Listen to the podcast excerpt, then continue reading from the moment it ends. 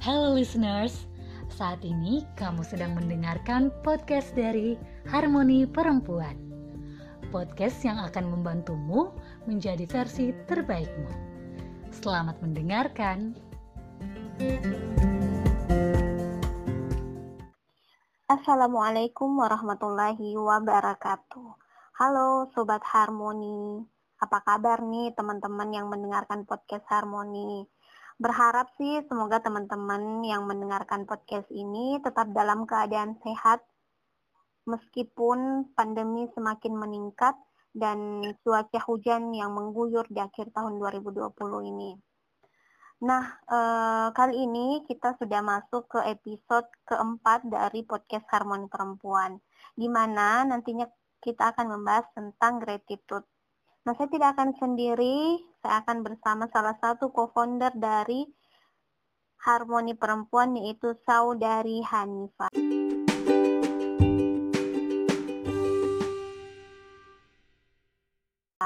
Halo Hanifa, apa kabar? Halo Yamna, Assalamualaikum. Baik, Alhamdulillah. Waalaikumsalam. Uh, Hanifa lagi di mana sekarang Hanifa? Uh, sekarang ada di Makassar. Oh, belum pulang kampung? Belum, hmm. insya Allah. Uh, di Makassar masih hujan, Hanifa? Kalau sekarang tidak, cuman malam itu uh, alhamdulillah hujan mengguyur Makassar. Iya sih, uh, ini kan sudah akhir tahun 2020, sudah bulan Desember kan sudah masuk musim hujan Hanifah. Jadi uh, sudah ini sih sudah dirasakan dari tahun ke tahun. Nah, berbicara tentang uh, penghujung akhir tahun nih Hanifah. Uh, kita uh -huh. seleksikan diri dulu nih ke belakang selama di bulan di tahun 2020 ini Hanifa menjalani tahun 2020 dengan rasa yang kayak bagaimana Hanifa? Kalau di tahun 2020 ya uh, banyak suka dan banyak dukanya gitu karena uh, kita dihadapkan pada suatu keadaan yang uh, tidak kita sangka-sangka sebelumnya gitu. Uh, kita dihadapkan pada pandemi dan bukan cuma saya saja, bukan cuma Yamna, bukan cuma orang-orang di Indonesia saja yang merasakan, tapi bahkan uh, di seluruh negara di dunia gitu. Dan ya di awal-awal itu rasa cemas. Betul-betul sangat cemas. Bagaimana nanti kalau misalnya saya yang kena, bagaimana misalnya kalau keluarga saya yang kena, teman-teman yang saya cintai kena, sungguh-sungguh sangat berat. Cuman uh, walaupun kita mendapatkan ujian, hidup ini tidak statis gitu loh. Hidup ini tidak uh, ketika senang senang melulu, ketika sedih sedih melulu tidak. Tapi hidup ini dinamis gitu. Kadang kita merasakan uh, bahagia, kadang kita juga bisa merasakan uh, kesedihan begitu. Cuman uh, menghadapi kedua keadaan ini penting untuk uh, menghadapinya dengan rasa syukur dan rasa sabar. Syukur ketika kita mendapatkan kebaikan dan sabar ketika kita mendapatkan suatu uh, hal yang kurang baik seperti itu. Betul sekali Hanifah. Jadi uh, semua orang pasti merasakan uh, apa ya ujian di tahun ini yaitu pandemi COVID. Meskipun uh, banyak sekali hal positif yang terjadi dan banyak juga hal negatif yang terjadi. Negatif tanda uh, tanda kayak uh, apa? Negatif yang dimaksud di sini bukan hal yang uh, apa ya, yang melulu tentang uh, yang jelek-jelek sekali begitu ya Hanifa. Dan yang tadi saya mau garis bawahi untuk menghadapi segala ujian, menghadapi segala cobaan yang kita rasakan uh, hari ini sampai hari ini, perlu ada namanya rasa syukur dan sabar. Nah, uh, kenapa nih Hanifah uh, mengatakan seperti itu? Dan rasa syukur itu kayak bagaimana maksudnya Hanifah? Kenapa saya mengatakan uh, kita harus menghadapi kehidupan dengan rasa syukur dan sabar? Ya, ya seperti saya ucapkan tadi di awal ya bahwa uh, kehidupan ini tidak statis gitu loh. Kehidupan ini dinamis. Kadang kita bisa mendapatkan kebahagiaan, kadang juga kita bisa mendapatkan kesedihan. Dan uh, pun kehidupan kita itu adalah sebuah ujian. Bagaimana kita menghadapi uh, kejadian-kejadian yang diperhadapkan kepada kita, bagaimana kita untuk merespon keja setiap kejadian yang menimpa pada kita seperti itu. Uh, berbicara tentang syukur, syukur ini adalah sebuah bentuk rasa terima kasih gitu loh. Ketika kita mendapatkan nikmat, kebaikan uh, dari sang pemberi nikmat seperti itu. Oh oke. Okay. Kalau dibilang pandemi, itu kita hadapinya dengan uh, dia menilainya sebagai uh, ujian kan Hanifah? Iya betul. Nah, dan ujian ini apakah uh, kita harus bersyukur akan ujian itu atau uh, seperti apa Hanifah? Menghadapi ujian, kalau menghadapi ujian kita seperti yang aku sebutkan tadi di awal ya, kita harus punya dua sikap, sabar dengan syukur. Hmm. Dan, uh, kalau dibilang pandemi sebenarnya uh, banyak hal juga loh yang bisa kita petik walaupun manusiawi untuk punya rasa cemas, manusiawi untuk berkata saya tidak bisa saya tidak bisa melakukan ini ketika saya cuma berada di luar manusia manusiawi manusiawi untuk mengatakan seperti itu. Cuman ada beberapa hal yang perlu kita uh, petik hikmahnya. Misalnya uh, ketika pandemi uh, waktu kita bersama keluarga itu lebih banyak seperti itu. Dan uh, secara tidak langsung sebenarnya ketika kita diberikan ujian kita sedang uh, diperhadapkan pada suatu proses untuk meningkatkan uh, kapasitas kita gitu loh. Dulu ketika belum ada pandemi, kita tidak kepikiran bahwa kita bisa melakukan segala sesuatu dari rumah, tapi ternyata kita bisa melewati semua itu begitu. Dan ya mungkin dari Yamna sudah merasakan bagaimana rasanya ketika kita harus bekerja dari rumah, walaupun masih banyak tekanan-tekanan yang kita dapatkan Ya sih, saya juga uh, merasakan seperti itu. Dan uh, memang ada susah, ada senangnya juga bisa kerja di rumah. Uh, kan uh, saya kerja skripsi Hanifah. Mungkin Hanifah Aha. juga ya seperti itu. Uh, konsultasinya harus uh, via online, uh, via email, begitu-gitu. Jadi uh, perlu komunikasinya yang apa ya kurang intens sekali meskipun kita uh, komunikasinya uh, setelah mengirim konsulta setelah konsultasi ya dua hari ke depan baru konsultasi lagi. Gitu kita yang mengerti waktunya begitu. Kita tidak bisa tiap hari konsultasi terus.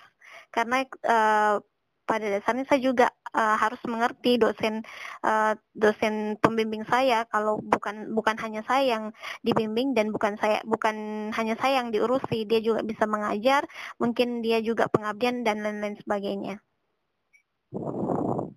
itu sih yang bisa saya dapatkan di uh, eh, WFH ya istilahnya. Yap. Oke Hanifah, uh, dari dari rasa syukur itu bisa uh, membuat kita merasa lebih apa ya tidak tidak terlalu merasa kekurangan gitu ya tidak terlalu uh, istilahnya tidak uh, hal tidak memunculkan hal-hal yang negatif yang membuat kita cemas. Nah, kalau begitu nih Hanifah, kenapa sih kita harus bersyukur? Kenapa kita harus bersyukur ya karena uh, orang yang bersyukur itu adalah orang yang membahagiakan dirinya sendiri gitu loh. Kenapa? Karena ketika kita bersyukur, otomatis kita sedang menarik hal-hal positif yang berada di lingkungan seperti itu. Hmm. Tidak melulu untuk mengutuk kejadian-kejadian yang terjadi pada kita, tidak melulu melihat hal-hal negatif yang terjadi pada kita, namun kita bisa mengambil hikmah eh, hal-hal uh, positif yang terjadi pada kita. Misalnya, uh, misalnya nih kita masih masih dalam keadaan pandemi, tapi ternyata banyak hal yang bisa kita petik gitu loh. Mungkin dulunya pada saat masih baik-baik saja, komunikasi kita bersama keluarga itu kurang intens, tapi ternyata ketika masa pandemi, alhamdulillah komunikasi kita bersama keluarga itu lebih intens. Kemudian kenapa juga kita harus bersyukur karena uh, salah salah satu tanda orang beriman adalah mereka yang pandai bersyukur.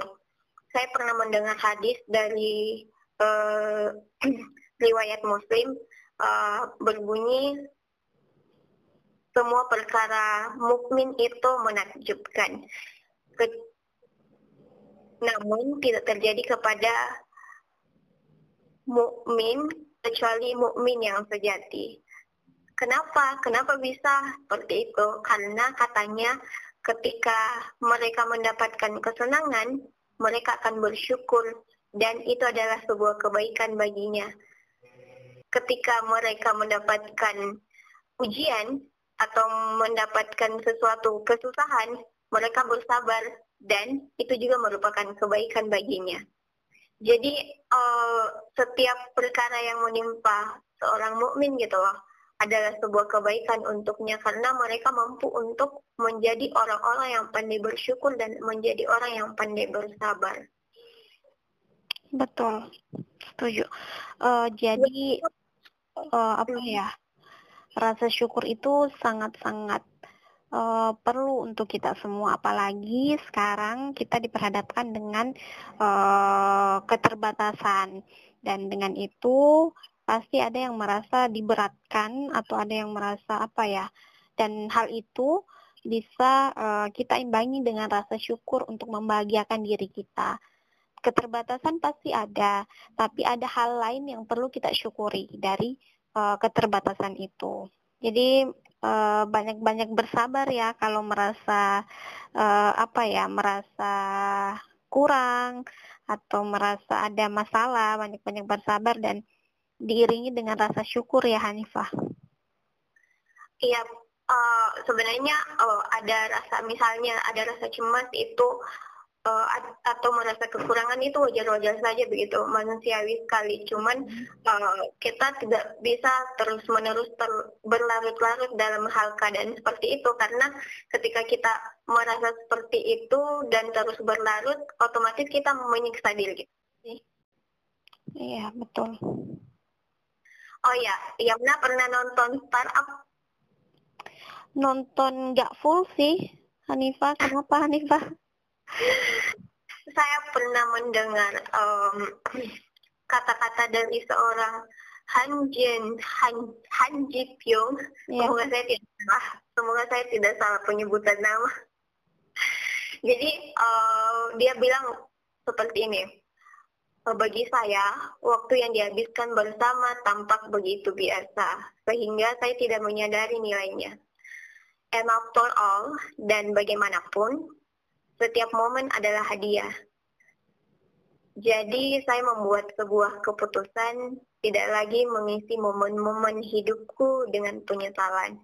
Jadi Han Ji Pyong ini uh, di awal kalimatnya itu menyatakan penyesalan bahwa waktu-waktuku dulu yang kulewati itu ya biasa-biasa saja untukku dan tidak tidak saya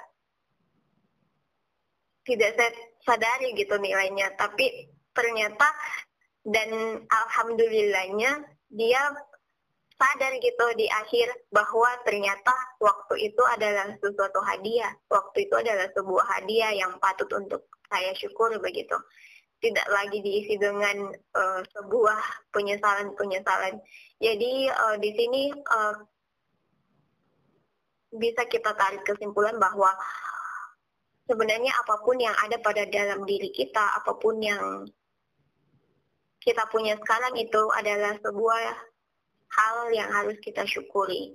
Karena kalau dibilang penyesalan, ya penyesalan pasti akan datang di akhir gitu. Cuman uh, belajar untuk bersyukur pada setiap keadaan itu baik kok untuk kita walaupun berat untuk belajar menjadi orang yang bersabar dan bersyukur itu memang berat. Tapi kita bisa, insya Allah, dengan pertolongan Allah. Insya Allah, semoga ya Hanifah.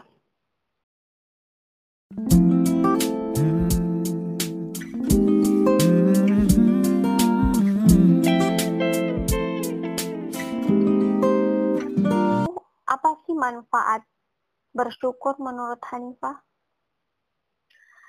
Manfaat bersyukur seperti yang saya sebutkan tadi di awal ya. Yang pertama itu uh, membuat diri kita sendiri bahagia tentunya. Yang kedua uh, bersyukur itu adalah tanda orang yang beriman seperti yang tadi ku jelaskan sebelumnya. Dan uh, yang ketiga itu uh, merupakan uh, sebab datangnya nikmat yang lain. Kenapa? Karena uh, Allah mention gitu di dalam Quran surat Ibrahim ayat 7 kalau orang yang bersyukur akan dinikmat ditambahkan nikmat kepadanya seperti itu. Jadi ketika kita bersyukur kita akan ditambahkan nikmat kita karena sebenarnya ketika kita bersyukur itu adalah sesuatu yang patut kita untuk syukuri lagi. Kenapa? Karena tidak semua orang e, bisa untuk bersyukur gitu karena sebenarnya syukur itu sesuatu yang tidak mudah gitu karena ya hanya orang-orang yang terpilih yang mampu untuk bersyukur seperti itu. Kemudian uh, manfaat selanjutnya itu uh, hidup kita lebih positif tentunya karena seperti yang kujelaskan tadi di awal ketika kita bersyukur kita akan menarik hal-hal positif yang ada di lingkungan. Karena bersyukur kan itu merupakan sesuatu yang positif kan? Ya betul. Oke jadi bersyukur itu sesuatu yang mendatangkan kebaikan sesuatu yang mendatangkan kebahagiaannya Hanfa. Dan ya. bersyukur itu memang perlu apa ya perlu diupayakan uh, oke okay. selanjutnya kita melihat uh, orang bersyukur itu dilihat dari uh, seperti apa Hanifah? Kita mau lihat orang itu kapan bersyukur. Um, sebenarnya kalau orang yang bersyukur, tanda-tanda orang bersyukur itu kita bisa lihat dari pengertiannya pengertian bersyukur itu sendiri uh, dari Ibnu Ibnul Qayyim itu menyebutkan bahwa uh, syukur adalah menunjukkan uh, adanya nikmat pada dirinya melalui lisan yaitu berupa pujian dan mengucapkan kesadaran diri bahwa dia telah mendapatkan nikmat gitu loh. Misalnya kita mengucapkan alhamdulillah uh, ya itu. Kemudian yang kedua yaitu dengan hati. Hmm, dengan hati dan mengakui bahwa oh yang aku dapat sekarang ini adalah sebuah kenikmatan. Oh yang saya terima pada saat ini adalah sesuatu yang patut untuk disyukuri. Kemudian yang ketiga yaitu um, dengan tindakan seperti itu melalui anggota badan yang kita punya seperti itu untuk ketaatan. Jadi sebenarnya ketiga tanda-tanda ini uh, harus saling berkesinambungan gitu loh. Tidak dikatakan orang bersyukur kalau misalnya saya cuma mengatakan alhamdulillah saya punya mata cuma cukup sampai di situ. Berarti saya cuma menyampaikannya dengan lisan seperti itu. Cuma sampai mengucapkannya alhamdulillah, tapi saya tidak mengakui dalam hati saya dan tidak membuktikannya dengan perbuatan saya seperti itu. Ketika saya cuma mengucapkan alhamdulillah saya punya mata dan saya melihat hal-hal yang negatif berarti saya tidak bersyukur dong karena poin ketiga itu belum tercakup ketika saya cuma mengucapkan alhamdulillah dan melihat hal-hal yang negatif seperti itu dan ketiga ketiga hal ini harus berkesinambungan. Misalnya ketika kita mendapatkan sebuah kenikmatan contoh kecil saja yang ada yang ada pada dalam diri kita. Misalnya kita punya tangan. Kita punya tangan. Kita meyakini kita mengucapkan alhamdulillah alhamdulillah saya punya tangan gitu loh. Dan kita meyakini dalam hati bahwa tangan ini adalah sebuah pemberian yang harus saya jaga, yang harus saya syukuri, yang harus saya nikmati dengan sebaik-baiknya. Dan kita melakukan pembuktian bahwa saya menggunakan tangan saya untuk hal-hal kebaikan. Misalnya, saya menggunakan tangan saya untuk bersedekah, saya menggunakan tangan saya untuk membantu orang lain, saya menggunakan tangan saya dalam ketaatan, dalam beribadah, dan sebagainya. Seperti itu. Oke, jadi tanda-tanda orang bersyukur itu bisa dilihat dari lisannya, bagaimana dia bersyukur, niatnya dalam hati, dan dibuktikan dengan tindakannya. Iya, betul. Ya. Melalui lisan, melalui lisan dengan hati dan tindakan. Betul.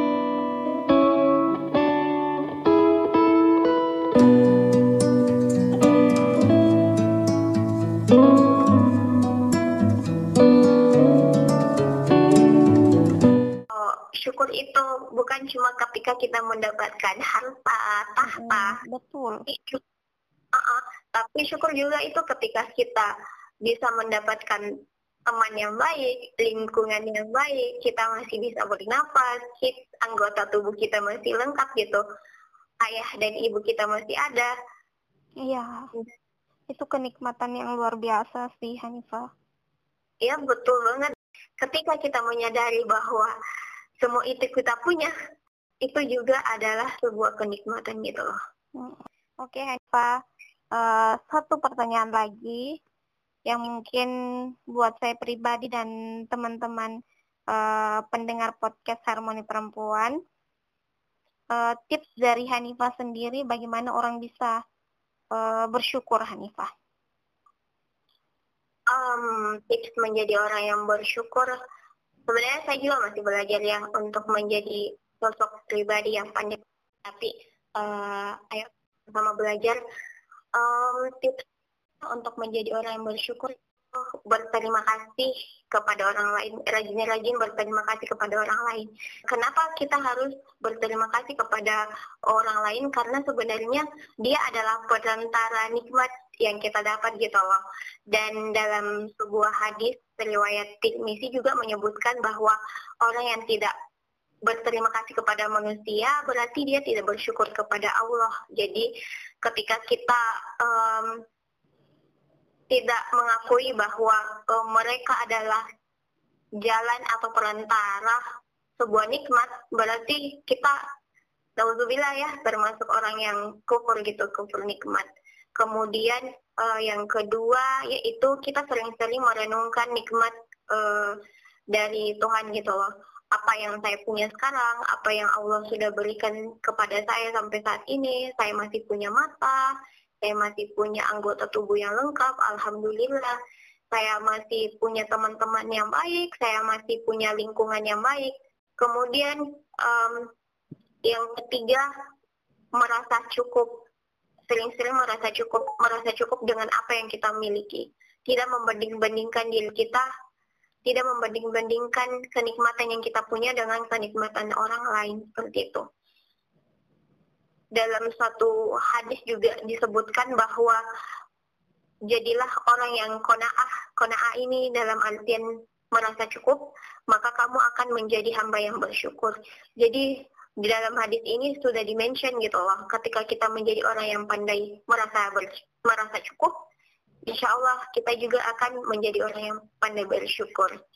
Kemudian um, selanjutnya itu zikrullah atau mengingat-ingat Allah. Ada lagi Hanifah? Kalau teman-teman yang lain punya uh, tips-tips bagaimana untuk bersyukur atau yang punya tips untuk bagaimana bersyukur, teman-teman boleh diskusi DM ke Harmoni Perempuan. Iya. Di IG-nya ya Hanifah. Iya, yep, yep, di at harmoni underscore perempuan. Oke, okay. uh, eh, jadi untuk bisa lebih bersyukur lagi, uh, tidak lupa untuk berterima kasih kepada eh, orang-orang di sekitar kita. Bagaimana kita bisa melihat orang-orang uh, itu sebagai uh, wasilah tadi ya Hanifah wasilah uh, kenikmatan untuk kita. Ya. Terus banyak-banyak uh, merenung atas segala pemberian yang diberikan oleh Allah, terus uh, merasa cukup, dan terakhir untuk terus mengingat Allah. Ya. Dan uh, ada juga sih yang selalu dibilang sama orang tua, kalau tidak mau apa ya, kalau ada sesuatu yang kamu inginkan dan kamu tidak bisa capai atau kamu tidak bisa uh, apa ya tidak bisa menggapai itu kamu lihat ke bawah dulu gitu. Itu sih yang salah satu yang uh, cara diajarkan yang diajarkan orang tua saya untuk bisa lebih bersyukur. Kalau kadang buang-buang makanan atau berlebihan makanan uh, selalu pasti di diingatkan untuk melihat ke bawah, melihat saudara-saudara kita yang masih ada kelaparan, masih ada kekurangan, dan bahkan tidak makan sama sekali. Uh, terima kasih atas waktunya Hanifa, terima kasih sudah berbagi ilmunya. Salah satu kesyukuran saya hari ini bisa podcast sama Hanifa banyak sekali insight yang bisa saya dapat dari dari uh, sharingnya Hanifa. Terima kasih banyak. Terima kasih juga sudah mau mendengarkan dan bercerita bersama Hanifah. Iya, Hanifah. Oh ya, buat teman-teman pendengar podcast Harmoni Perempuan juga terima kasih masih uh, stay untuk mendengarkan podcast Harmoni Perempuan. Uh, jangan lupa uh, di the next episode selanjutnya akan lebih menarik lagi pembicaraannya, akan lebih menarik uh, pembahasannya. Jadi uh, stay tune di podcastnya Harmoni Perempuan atau di uh, IG-nya Harmoni Perempuan at Harmoni underscore perempuan. Semoga pembahasan kali ini bisa bermanfaat untuk kita semua.